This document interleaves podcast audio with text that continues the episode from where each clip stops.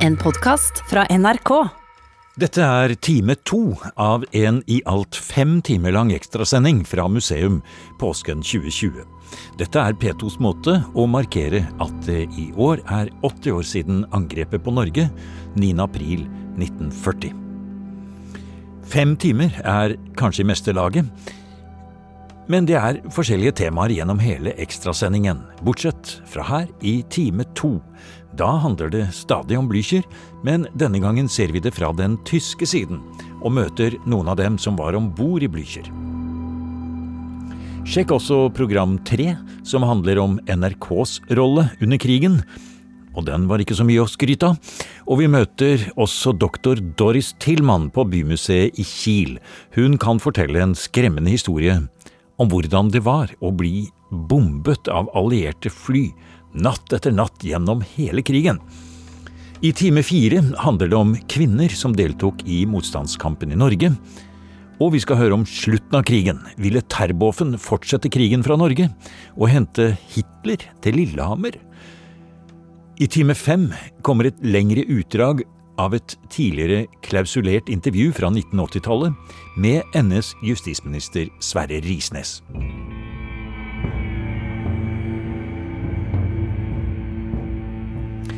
Men her er altså time to tyske stemmer fra Blücher.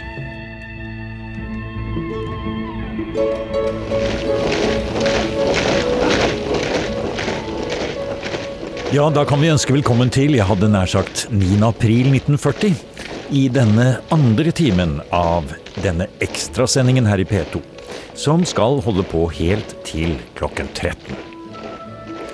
Denne sendingen er P2s markering av at det i år er 80 år siden annen verdenskrig kom til Norge, og det er 75 år siden krigen sluttet. Og i løpet av sendingen skal vi snakke både om starten og slutten av annen verdenskrig. Men nå går vi tilbake til litt over klokken ni på tirsdag morgen 9. april 1940. Det har akkurat vært Dagsnytt, og selv om det ikke var koronanyheter den 9. april 1940, var det dramatisk på en helt annen måte. Det var da, som nå, stor usikkerhet, og ingen visste helt hva de neste dagene og ukene ville bringe. Korte meldinger, med det lille man visste om invasjonen, gikk med jevne mellomrom. Det har vært en del fly over Oslo i dag. Men vi skal forsøke, og de eh, flyangrepene fortsetter fremdeles. Men vi skal forsøke å komme igjen klokka halv ti. Vi skal forsøke å komme igjen klokka halv ti med nyheter, sa nyhetsoppleser Olav Rytter i Dagsnytt. Her i denne ekstrasendingen skal vi komme fyldig tilbake til alt hva som skjedde og ikke skjedde i NRKs lokaler i sentrum av Oslo, og også få høre detaljert om hvordan andre redaksjoner utover i landet forsøkte å finne ut av alt som skjedde på en gang denne dramatiske natten i Norges historie. Og sammenlignet med i dag, når vi bruker ord som mediehus og publisering på mange plattformer, og vi vet hvor mange som jobber samtidig i NRKs nyhetsavdeling i våre dager, så er det nesten umulig å se for seg de sparsomme lokalene til NRK i Roald Amundsens gate, og høre hvordan det sto til der på formiddagen 9. april 1940. Jeg hadde fridag den dagen, og da jeg hørte om det som hadde hendt, så ringte jeg ned til redaksjonen og trefte Øksenvad og spurte om han hadde bruk for meg. Jeg hadde grunn fridag på, på 9. april, og han ba meg komme ned med en gang. Og der var situasjonen den at uh, Øksenvad og Rytter tydeligvis hadde en slags førehandsordre om hva de skulle gjøre i krigstilfelle. I alle fall så sto de på farten til å dra ut og slutte seg til regjeringa. Og den tredje faste medlem av redaksjonen, nemlig Karl Lykke, han hadde vinterferie og var der ikke. Dermed så, så var eh, Dagsnytt-redaksjonen tom, den. Og hvordan det gikk, skal vi komme tilbake til i neste time av denne fem timer lange ekstrasendingen fra museum i P2, som markerer at det er 80 år siden angrepet på Norge 9.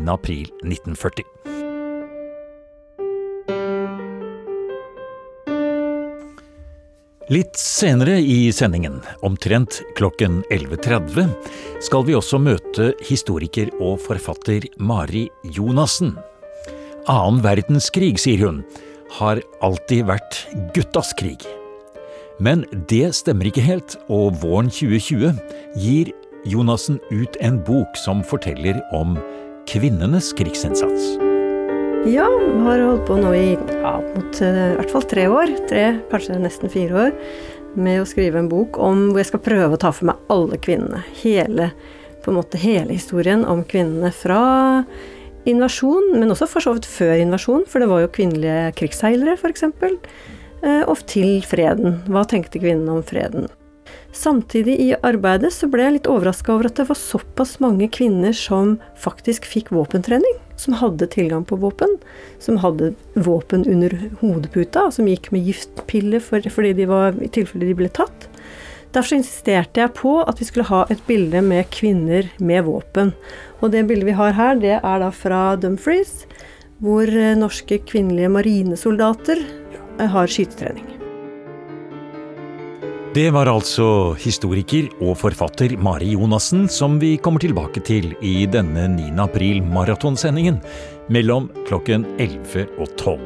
Helt til slutt, i timen mellom klokken 12 og 13, skal vi høre en stemme fra arkivet som har ligget nedlåst der i 38 år, og som nå, for første gang etter krigen, kan høres. Stemmen tilhører NS justisminister Sverre Risnes, som ble intervjuet av NRKs Per Bøhn i 1982. Deres uh, syn på Vidkun Quisling? Ja. Mitt svar er at jeg kom i høy grad til å høyakte og beundre Quisling, også for hans personlige hederlighet. Og ettersom tiden eh, har gått, og, det, og, etter det som siden har hendt, ser jeg ham som en av de store, tragiske skikkelsene i Norges historie. Han kan, ettersom tiden går, komme til å bli sammenlignet med bl.a. Olav Haraldsson, kalt Den hellige, og Olav Tryggvason. Begge bar i seg Norges fremtid da de falt. Også de falt mot en fiendeflokk som mest bestod av deres egne landsmenn. De jo, satt jo veldig sentralt til eh, under krigsårene. Hadde de noen følelse av splittelse innenfor NS? Denne kjenner jeg lite til. Jeg reiste meget omkring og talte ved møter. Det hendte tre møter i løpet av dagen. De ble holdt i NS og utenfor NS. Hadde mange skriftlige anmodninger fra NS-hold, fylkesførere med flere. Siste gang var etter jul 1945 da jeg talte for fylkestinget i Drammen. Jeg husker at jeg der sluttet min appell med Hamsuns ord 'England må på kne'. Jeg eh, hørte til den radikale del av NS, og jeg merket aldri noen splittelse innen de meniges rekker. Tvert imot ble jeg ved flerhøve oppfordret til å ta hardere i.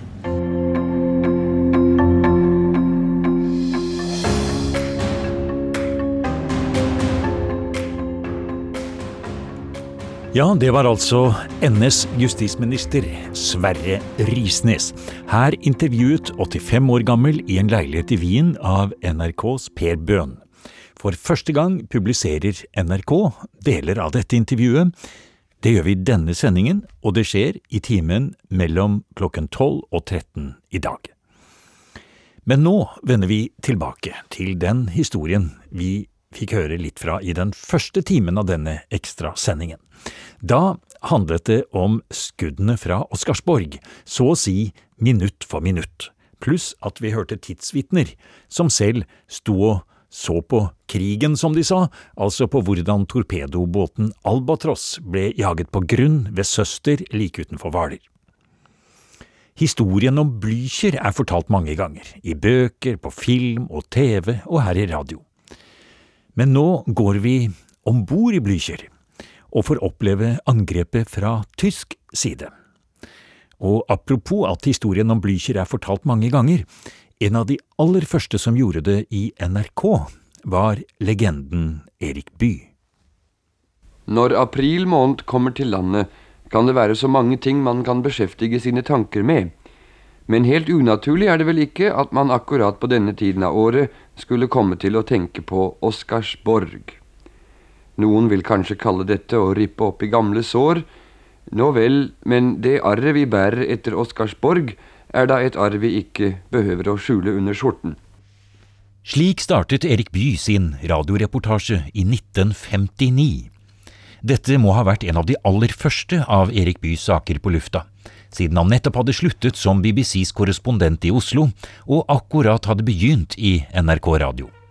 Den journalistiske klo og personlige stil som skulle bli Erik Byes kjennetegn, er allerede på plass. Det som skjedde da alarmen gikk på Oscarsborg festning tidlig om morgenen den 9. april for 19 år siden, er norsk historie nå, og det er vel neppe noen som ikke kjenner til det. Allikevel er det den dag i dag ganske ufattelig at det kan ha foregått kamphandlinger på et så idyllisk sted. At man slåss ved Waterloo og Verdun, Stalingrad og Alamein, det høres jo nesten rimelig ut, men at folk dreper hverandre ved et sted som heter Drøbak? Nei.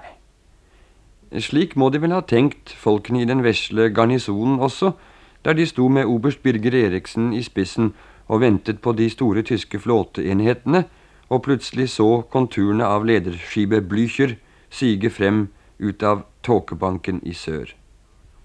Men så smalt det fra gamle Moses, som vi vet, og selv om de fleste av oss kanskje kjenner hendelsesforløpet videre, skal vi be tannlege Vagn Enger som var sjef for Kopåsbatteriet på Drøbak-siden, og fortelle litt om hva han opplevde.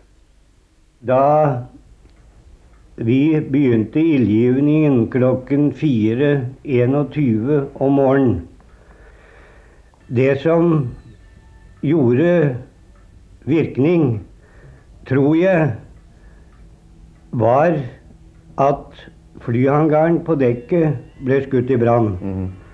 Derved gikk beholdningen av bensinfat til eksplosjon og flybomber, beredskapsammunisjon, håndgranater som var stablet i kasse på dekket, gikk samme veien.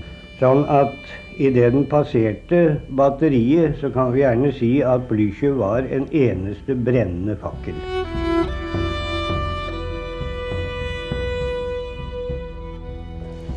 I NRKs arkiver har vi noen verdifulle opptak med tidsvitner, mennesker som selv tok del i begivenhetene. Som sjefen på Koppås-batteriet, Wang Enger, som vi nettopp hørte her i Erik Byes program fra 1959. Men hva med de tyske mannskapene? Vet vi noe om hvordan det var i Blüchers maskinrom da torpedoene traff? Og da den nye slagkrysseren gikk på grunn etter torpedotreffene, og flere tusen soldater og matroser forsøkte å redde livet ved å svømme inn til Drøbak. Finnes det noe om dem i arkivet? Det forbausende svaret er faktisk ja. Og i dette programmet skal vi høre noen helt unike opptak med tidsvitner fra tysk side. Det er vel nesten uh, feil å spørre deg, uh, Fjørtoft, men hvis du skulle sette deg inn i tankegangen til uh, admiralen på Blykjør når han eh, ligger ute i, i, fjorden her. Hva tenker han når han nærmer seg Oscarsborg? Det finnes faktisk en del eh, beretninger om det. Eh, de oppfatter seg faktisk ikke som beskutt fra rauebolærene. De oppfatter at det bare er skutt varselskudd. Og de kjenner de norske reglene og vet at da har man bare liksom fått et varsel. Og de tror fremdeles på at det skal være mulig å gå fredelig inn til eh, målet sitt, som er Oslo, og gjennomføre oppdraget. Men Bekymringen hos en del av hans offiserer den eh, begynner nok å gjøre seg gjeldende.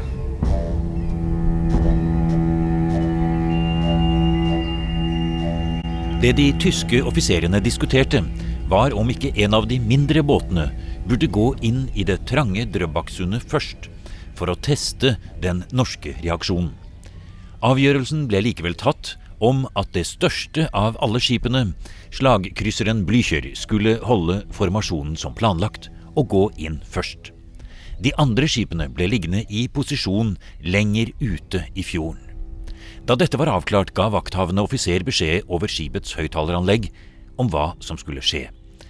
Blücher skulle ikke være den første til å åpne ild, men forsøke å gå rett forbi Oscarsborg. Nede i hovedmaskinrommet var Herbert Lintner på vakt som stabsovermaskinist. På sin vakt hadde han 21 mann i maskinen. Om de neste dramatiske minuttene fortalte han i 1967 til en tysk journalist fra Radio Bremen. Opptaket med Lintner ble gitt i gave til NRK, men her hører vi maskinsjefen på Blücher fortelle at selv om de fikk beskjed over høyttaleranlegget, ble besetningen forbauset da de hørte de første smellene og kjente sterke rystelser i skipet. Wir wurden ja durch die Gegensprechanlage über alles, was oben und draußen geschah, informiert. Da spürten wir starke Erschütterungen im Schiff. Und obwohl wir wussten, wir hatten, äh, sollten den Angriff nicht eröffnen, sagte ich, Donnerwetter, jetzt fangen wir selbst an zu schießen. Sie dachten zuerst hätte die Blücher das Feuer eröffnet. Ja. Donnerwetter, jeg trodde det var Blücher som hadde åpnet ild, sier Herman Lindner. I virkeligheten var dette en av de første fulltrefferne fra landbatteriene som rystet skipet, og ned gjennom en av luftekanalene kom det granatsplinter fra ammunisjonen på dekk. Gassalarmen gikk, men vi trodde det var falsk alarm, sier Lindner. Meine Seeleute, der eine schrie gleich Gasalarm. Ich konnte mir das nicht denken. Und äh, die Voreiligen hatten schon den Gas, die Gasmasken in der Hand, aber haben sie schnell wieder weggehängt. Im gleichen Augenblick auch äh, kam der Ruf aus der Bilge, Feuer im Maschinenraum. Da war also tatsächlich ein I Granatsplitter samme øyeblikk kom ropet 'brann i maskinrommet'. Et turbinrør var sprunget lekk, og oljen derfra ble antent. Äh. Brannen ble slukket av mine egne folk, sier Lindner, som forteller at Blücher på dette tidspunkt gikk med seks knops fart bare 300 meter fra de norske landbatteriene. Vi hadde bare kleine det er ungefähr sechs Seemeilen, weil wir dort På dette tidspunkt har ennå ikke torpedoene truffet. Men situasjonen om bord i Blücher er kritisk.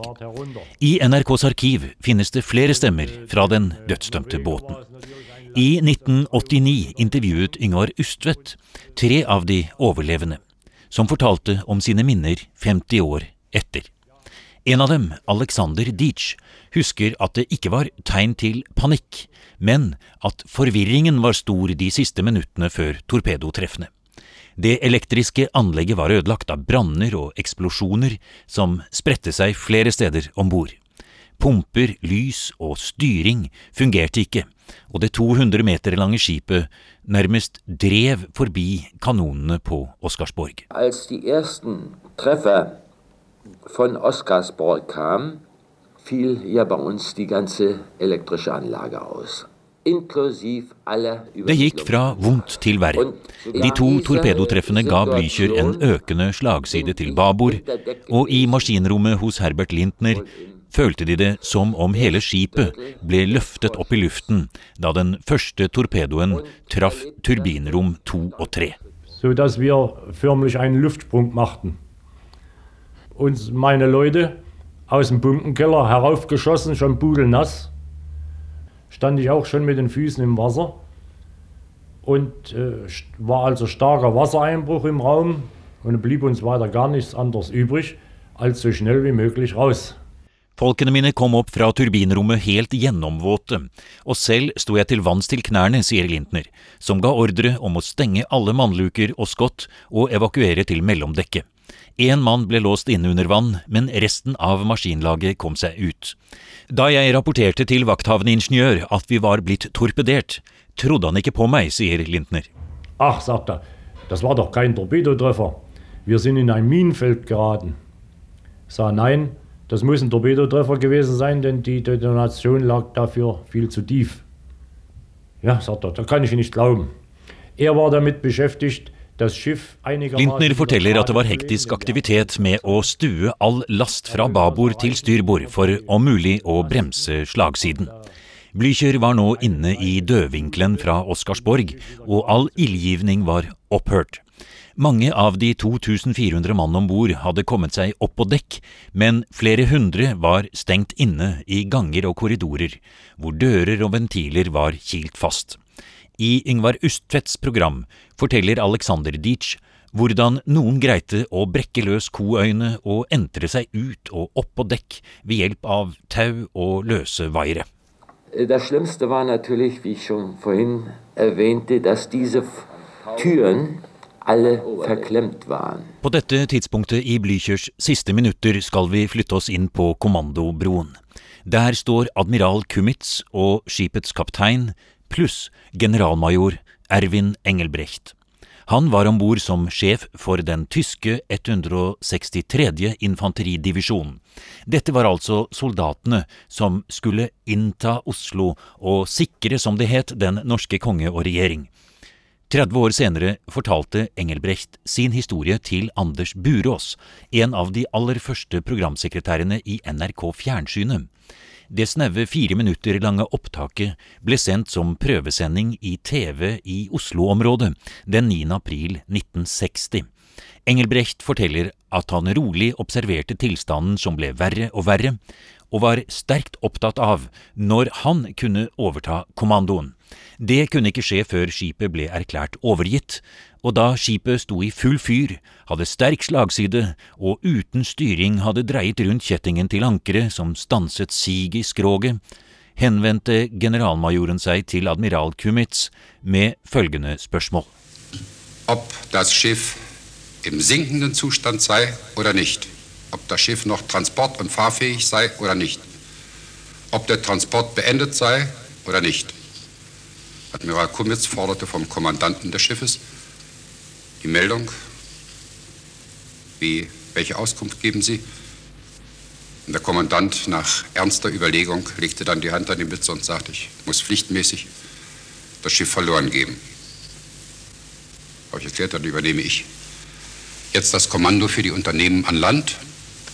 En fortettet øyenvitneskildring av sekundene da kapteinen på ytterst korrekt militært vis henvender seg til sin admiral og sier at skipet er tapt. Nå overtar generalmajor Engelbrecht og gir ordre til full evakuering av skipet. Og så gikk Männer von Bord, den letzten. Og så gikk mennene fra borde, jeg selv som sistemann, sier Engelbrecht. Men han legger til at han hadde gitt ordre om at alle soldatene skulle ta med seg håndvåpen. Sjøfolkene som kunne svømme, måtte gi fra seg de få livbeltene som var å få tak i, til soldater som ikke kunne svømme. Og, sier Engelbrecht, jeg ga ordre om at ingen måtte gå i land på små holmer og skjær, men komme seg til land, for mitt oppdrag var ikke endret. Jeg hadde noch Weisung gegeben, dass die guten Schwimmer und tüchtige Leute nach Möglichkeit an Land schwimmen sollten und nicht auf die einsamen Schäreninseln, denen sie ja abgeschnitten waren, weil mein Ziel ja nach wie vor Oslo lautete.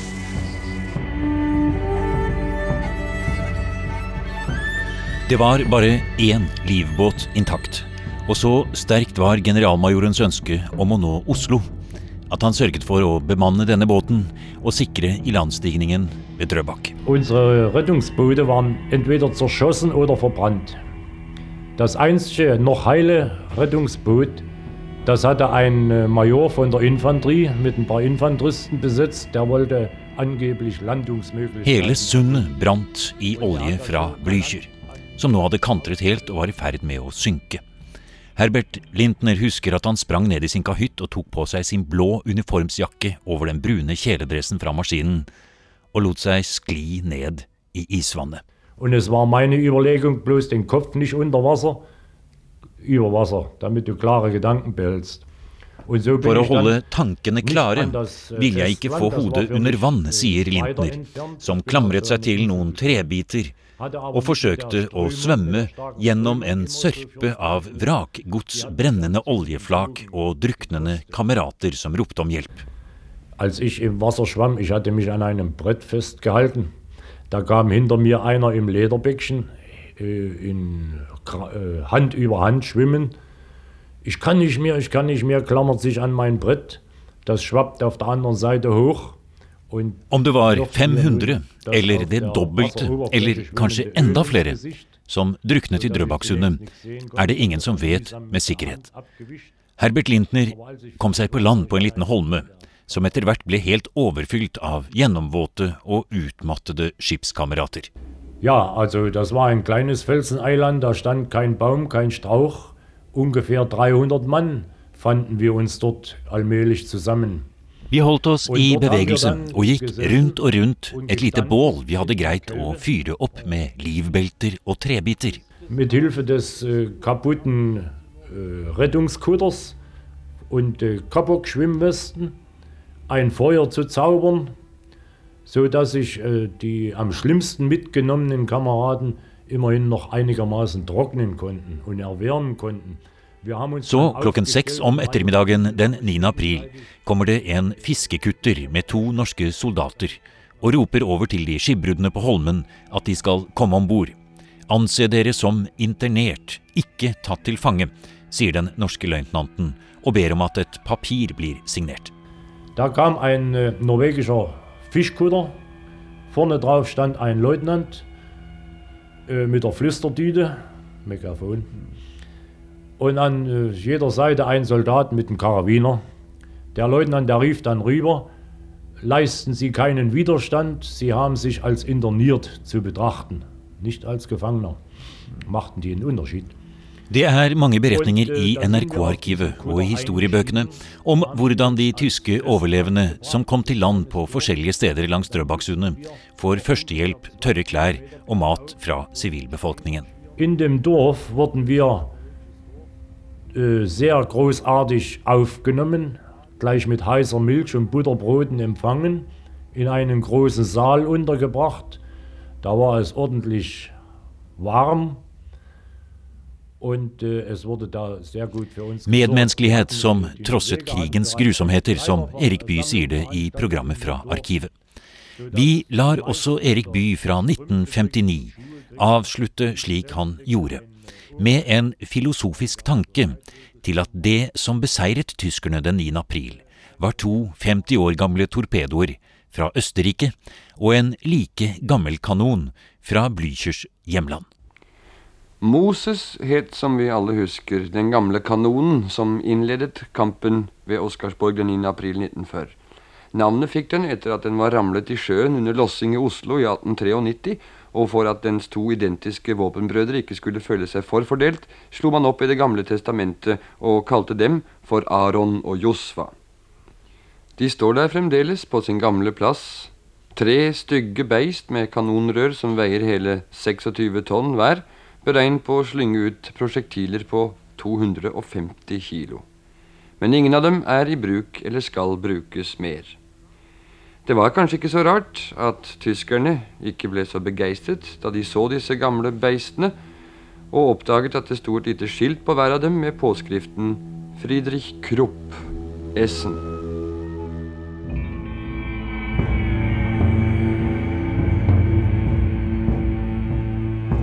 Klassisk Erik Bye der altså, årgang 1959. Det er skjærtorsdag 9. april 2020 i dag. Og det er 80 år siden 9. april 1940. Så her i P2 er sendeskjema litt annerledes enn vanlig. Fra klokken 8 til klokken 13 sender vi denne ekstrasendingen fra museum med tema annen verdenskrig i Norge.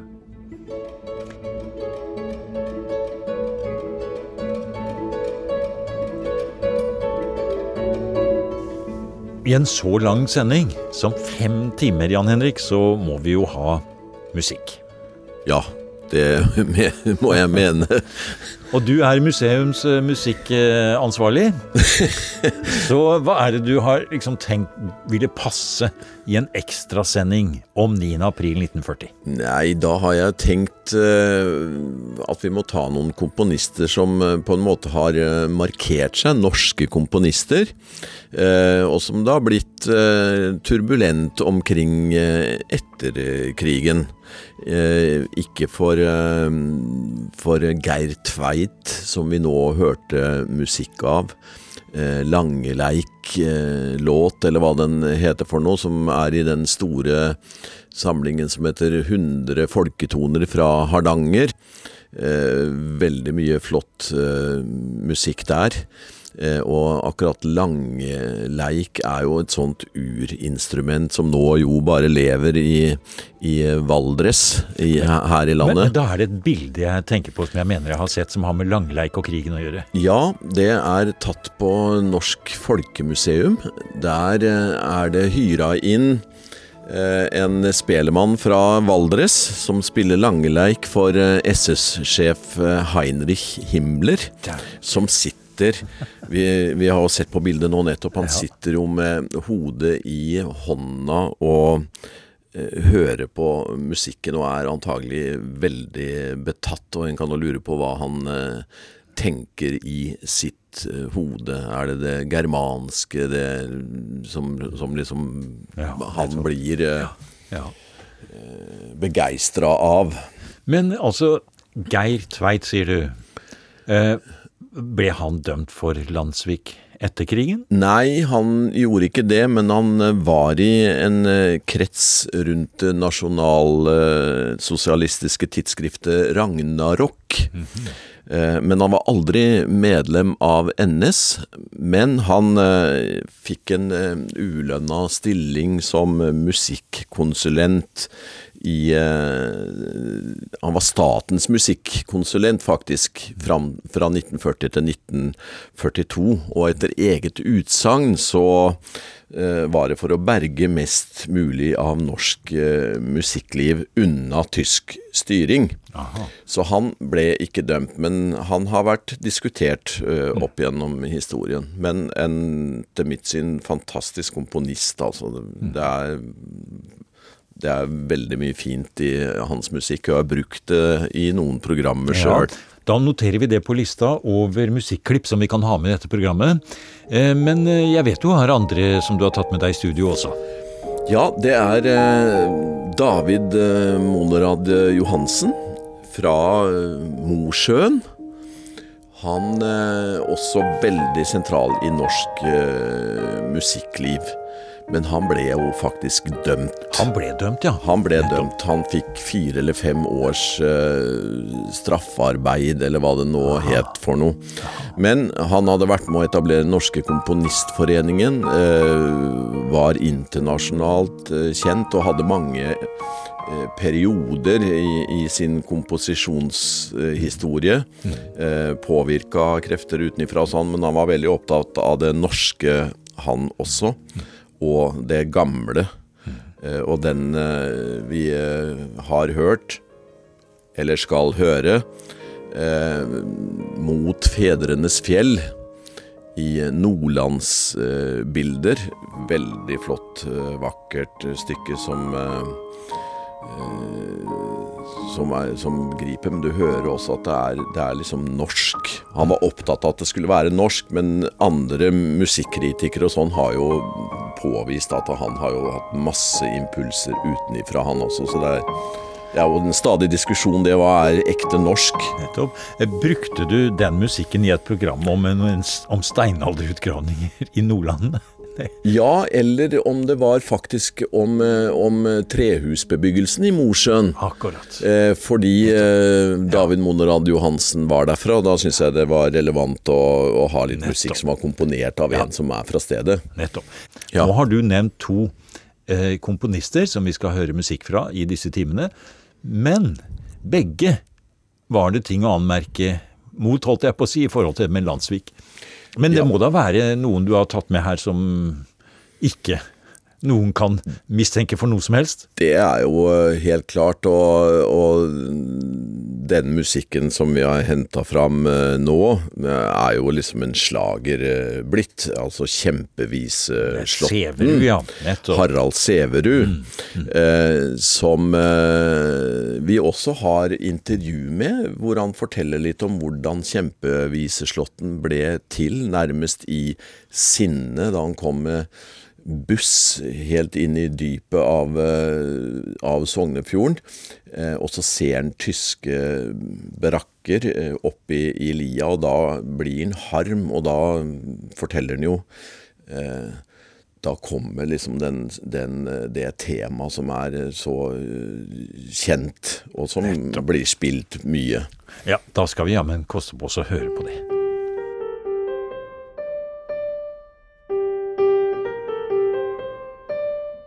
Kjempeviseslåtten skal jo også en gang tilhøre forgangen tid, og den skildrer også heltebedrifter.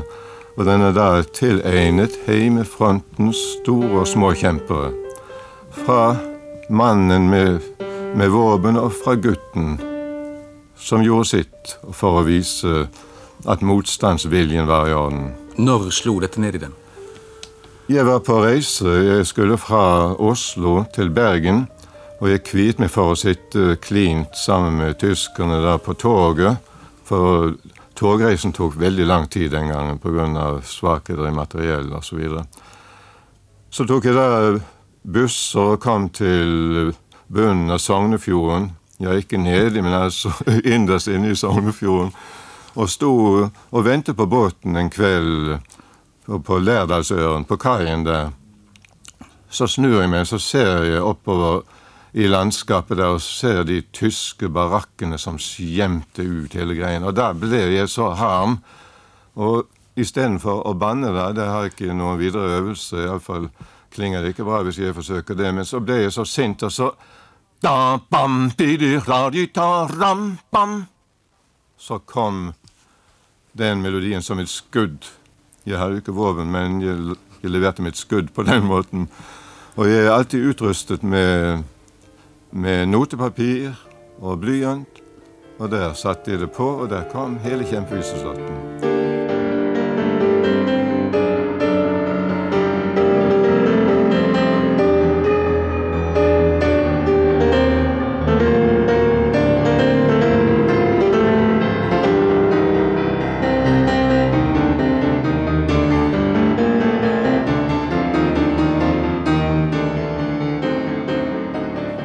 Ja, vi, her fikk vi lite Her fikk vi høre Sæverud selv fortelle, sånn som du sa, Jan Henrik. Og i tillegg så fikk vi høre noen strofer da fra Kjempeviseslåtten, som vi kommer til å høre mer av. Men jeg ble litt interessert i det du nevnte med at uh, Sæverud var en sånn Altså, han gikk på en måte så sterkt opp i dette med krigen, og vi vet han bodde på Siljustøl. Der har vi lagd museumsprogram. Ja, øh, og Siljustøl er jo et, en, et, en prakteiendom. Og den står seg veldig godt i dag, selv om den var ferdig veldig rett før krigen og, mm. og Sæverud hadde flytta inn. Han hadde gifta seg med rik amerikansk dame og fått finansiert eh, hele kåken. Ja, Det er rett en, utenfor Bergen, dette. Ja, en stor ja. Eiendom. Eh, og Sigurd Sandmo, som, som, hadde ansvar for komponisthjemmene i eh, Kodemuseet i Bergen, mm -hmm. han fortalte at uh, tyskerne en vakker dag kom til Siljustøl de ville ha det til eh, administrasjonsbygg for seg sjøl. Ja. Og hvor eh, Sæverud da på balkongen eller ut gjennom et vindu eh, konversere med dem. Han kunne tysk. Og de sier at eh, dette stedet skal vi ha. Nei, det var, Så enkelt var det nok ikke, men hun kunne ta garasjen. Eh, og merkelig nok, eh, ifølge Sandmo, så var det Hadde tyskerne respekt for komponister og, og kunstnere. Så de, de, gjorde som han sa, etablerte seg i garasjen, og den var ikke så liten. Eh, men de skjønte jo fort at der kunne det ikke være, så de forsvant igjen. Så Sæverud holdt dem rett og slett unna. Ganske morsomt.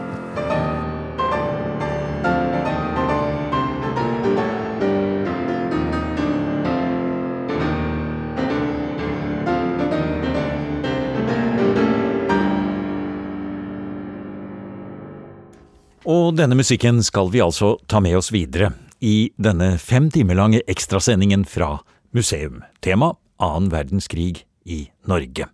Vi startet klokken åtte i dag tidlig, og sendingen var vel egentlig planlagt litt annerledes. Men koronasituasjonen har gjort det vanskelig å få samlet alle vi hadde tenkt skulle være med i dette programmet. Men da har vi lett litt ekstra i arkivet, og i hvert fall noen av deltakerne har vi kunnet møte på to meters avstand. Also es wurden sehr, sehr viele Frauen gerade zum Ende des Krieges hin einberufen zum Dienst. Die mussten auch in den Werften arbeiten, die mussten auch äh, Torpedorohre oder, oder irgend Munition und Waffen herstellen in den Fabriken. Und sie mussten natürlich auch die Männer I den neste timen skal vi treffe doktor Doris Tillmann ved Kieler Stadtmuseum, og hun forteller om hvordan sivilbefolkningen hadde det i Tyskland under krigen. At det også var kvinners krig i Norge, forteller historiker og forfatter Mari Jonassen om i timen mellom klokken 11 og 12. Også NRKs rolle under krigen skal vi snakke om, og ikke minst Brennpunkt Lillehammer med historiker Tore Pryser. Han gir ut en helt ny bok denne våren, som annet handler om de forskjellige scenarioene som verserte for hvordan man skulle avslutte krigen i Norge. Ja, ja. Nei, altså Terboven eh, prøvde eh, å eh, få gjennomslag for en plan som gikk ut på at etter at tyskerne kapitulerte i, på kontinentet, så skulle lederne flyttes hit opp til Norge, og man skulle fortsette krigen. Altså Man skulle hente ja, nær sagt Hitler og hele ja, balletten? Det var sånn, det, sånn Terboven eh, tenkte. Det var hans plan. Festung Norwegen skulle liksom holdes selv om man tapte nede på, på kontinentet.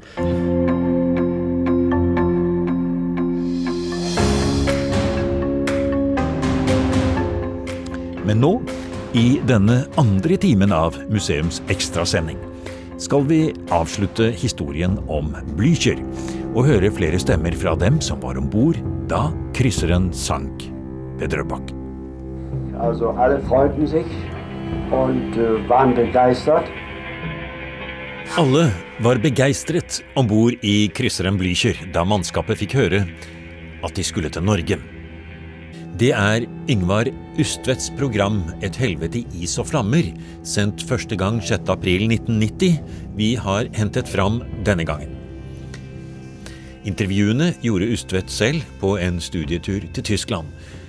Og dette er ikke de samme stemmene som noen kanskje har hørt tidligere fra Radioarkivet, opprinnelig fra Bremen Radio, og som ble brukt i et annet program i denne arkivserien. Så her er Yngvar Ustvedt fra april 1990 med programmet Blücher et helvete i is og flammer. De tyskere vi snakket med i 1989, var den gang dels stasjonert i kanontårnene i båtens indre, Rudi Reichelt og Helmut Martignoni. Én satt ved et antiluftskytsbatteri, Willy Rentzelmann, og én hadde overoppsynet med offiserenes livbåter, Alexander Dietsch. Alle var enige om at det var vanskelig å huske det som den gang hendte. Sie müssen ja folgendermaßen äh, darüber denken. Es sind 50 Jahre her. Men alle som var på Blücher, er enige om at de først fikk vite at de skulle til Norge på et meget sent tidspunkt, dagen før innseilingen begynte. Vi kriegten ja von den Kommandanten nur die Aussage, dass wir Norwegen einlaufen würden nach Oslo. Das hätte so das OKM Hvilken grunn vi hadde? Tja, sier Renselmann i dag. Fra vår kommandant fikk vi bare høre en uttalelse om at vi skulle til Norge, til Oslo. Jeg vet, sier Rodi Reichelt, at det ble sagt at vi ikke skulle besette Norge, men derimot øh, Tja, sa han. Det ble sagt at også engelskmennene ville besette Norge den gang, og av denne grunn skulle vi komme dem i forkjøpet. Stemningen om bord 8. april var avslappet. Tyskerne var ikke på noen måte redde. De var sikre på at nordmennene ikke ville gjøre motstand. Det hadde Quisling og hans nasjonale parti sørget for på forhånd, var det blitt fortalt dem. Man visste godt om festningen Oscarsborg. Like før man kom dit, blaffet det også opp i en lyskaster. Kort etterpå ble skipet truffet av granater i hovedmasten ved Kommandobroen, men disse treffene ble ikke avgjørende. Da haben wir die erste Gefahr gesehen, dass etwas auf uns zukommen würde, wo wir noch mehr wachsam sein mussten. Vi var, forteller Renselmann, kort tid før inngangen til Oslofjorden blitt fortalt at vi måtte være ytterst forsiktige. Så blinket det plutselig, og kort etterpå slo det ned i formasten i kommandobroen. Helmut Martignoni husker også dette meget godt, og mener at ilden kom fra to sider, både fra Drøbak og fra Oscarsborg. En god del skade ble gjort på overdekket, forteller han, og også midtskips. Dann kriegten wir auf einmal Feuer von beiden Seiten, von Dröbak und Oskarsburg, Artilleriefeuer. Und das hat wohl ziemliche Verheerungen an Oberdeck angerichtet und auch mitschiffs, aber äh, sicher nicht entscheidend. De som var inne i skipet, som rodde Reichelt, hørte bare skuddene og visste ikke om det var det egne artilleriet som hadde skutt, eller om det var granater utenfra som hadde truffet dem. Det kunne vi ikke fastslå, sier han. Vi har nur die, die, Einschläge gehört und wussten nicht, ob es unsere eigene Artillerie war, die geschossen hat, oder Treffer, die uns getroffen hat. Das konnten wir nicht, nicht feststellen. Mhm. Om forholdene på Blücher da de første fulltrefferne kom fra Oscarsborg, har Alexander Dietz, som befant seg nede i båtens indre, følgende å fortelle. Damals aber, als die ersten Treffer von Oscarsborg kamen, äh, fiel ja bei uns die ganze elektrische Anlage aus, inklusive aller Übermittlungsanlagen. Und in dieser Situation bin ich unter Deck gewesen, wohl im ersten Drittel des Vorschiffs, und erlebte das durch starke Erschütterung. Man konnte aber nicht mehr unterscheiden, ob es die eigene Artillerie war oder die andere Seite. Hele det elektriske anlegget falt ut, inklusive alle overføringsanlegg og alle pumpestasjoner.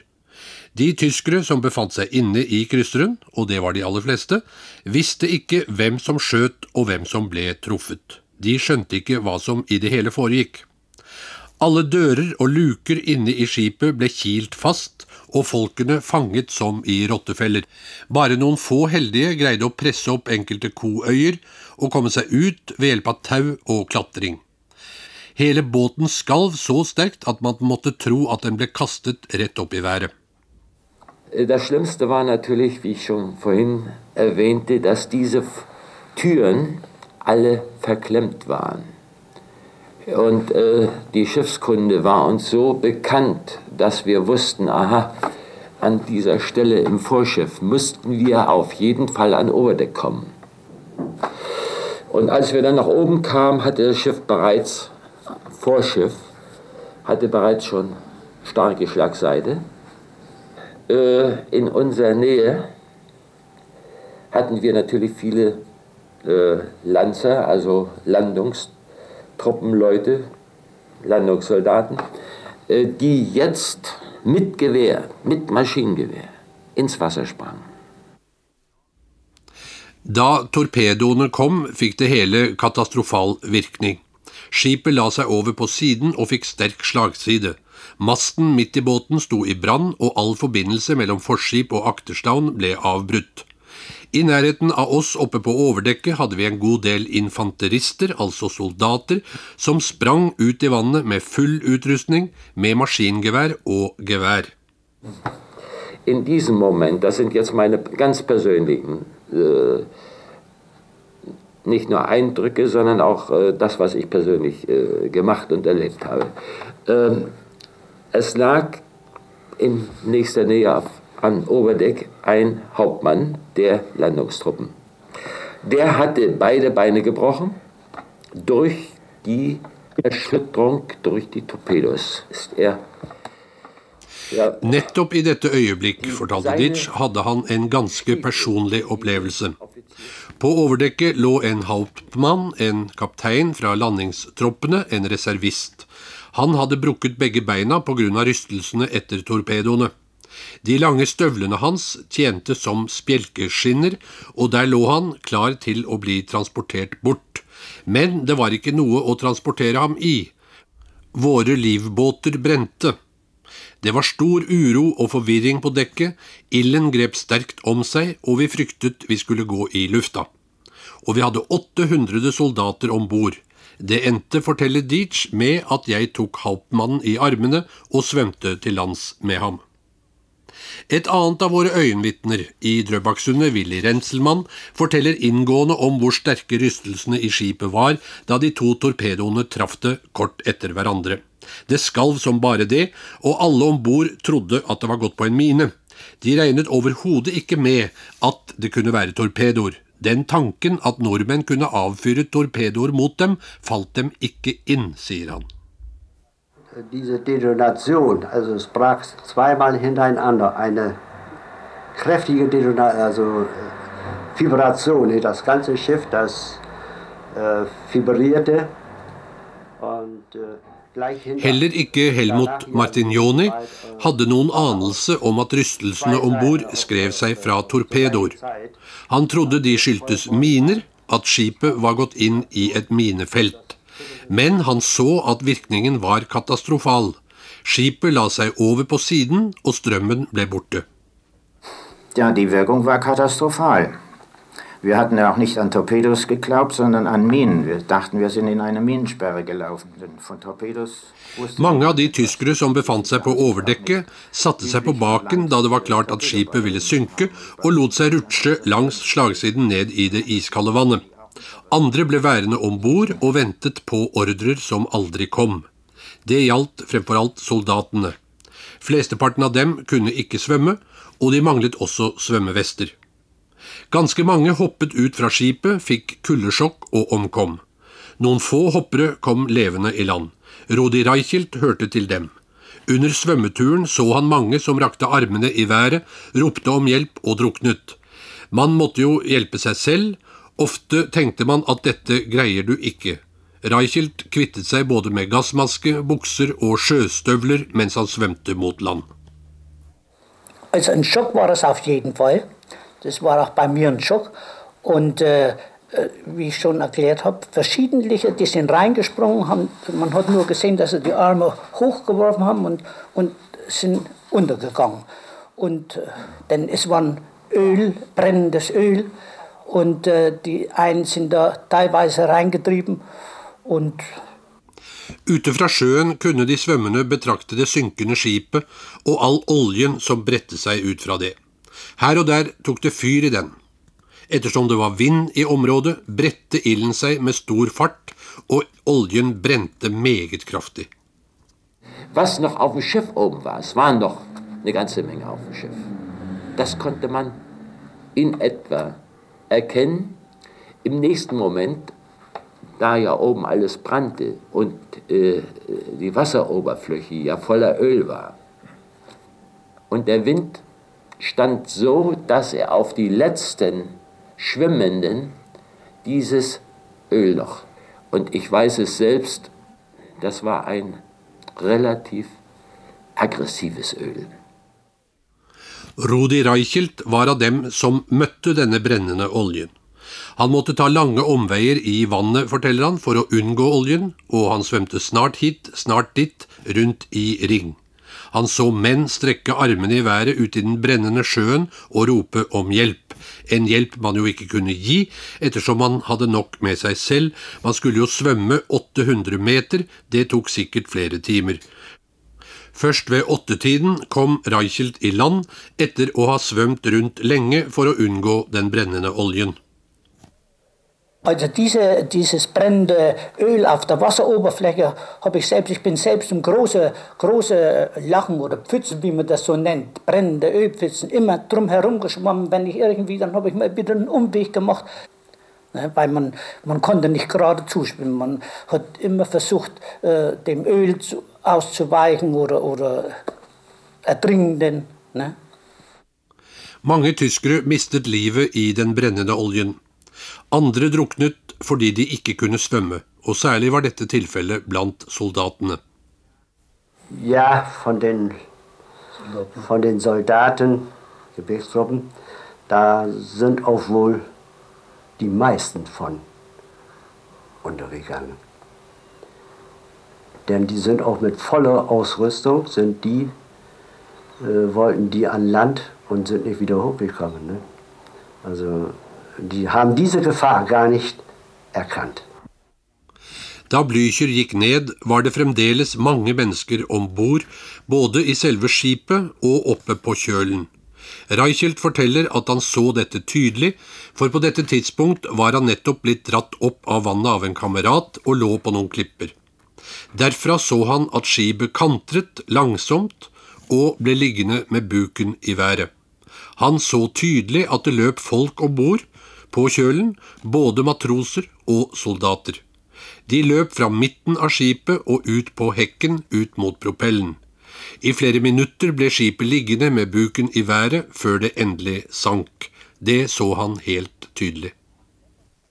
Das habe ich noch genau gesehen, denn zu dem Zeitpunkt wurde ich gerade, also vielleicht zwei oder drei Minuten vorher von einem äh, Kameraden, der schon an Land war, aus dem Wasser gezogen. Und ich war noch auf dem Felsen gelegen, auf dem Rücken und habe rüber geguckt und da hat, ist das Schiff gekentert. Hvor mange omkom? Ikke godt å si. Helmut Martignoni hørte den gang at det var snakk om halvparten av soldatene og en tredjedel av marinefolkene. Jeg hørte nur damals, dass von dem Landungskorps ungefähr die Hälfte ums Leben gekommen ist und von unserer Besatzung etwa ein Drittel. Willy Redselmann på sin side sier med bestemthet at flesteparten av de 800 soldatene må ha omkommet. Mange av skottene i skipet ble jo slått inn av torpedoene, og for dem som var midt i skipet, var det ikke mulig å komme ut. Det var den legendariske Yngvar Ustvedt vi hørte til slutt der i et mer enn 30 år gammelt arkivopptak.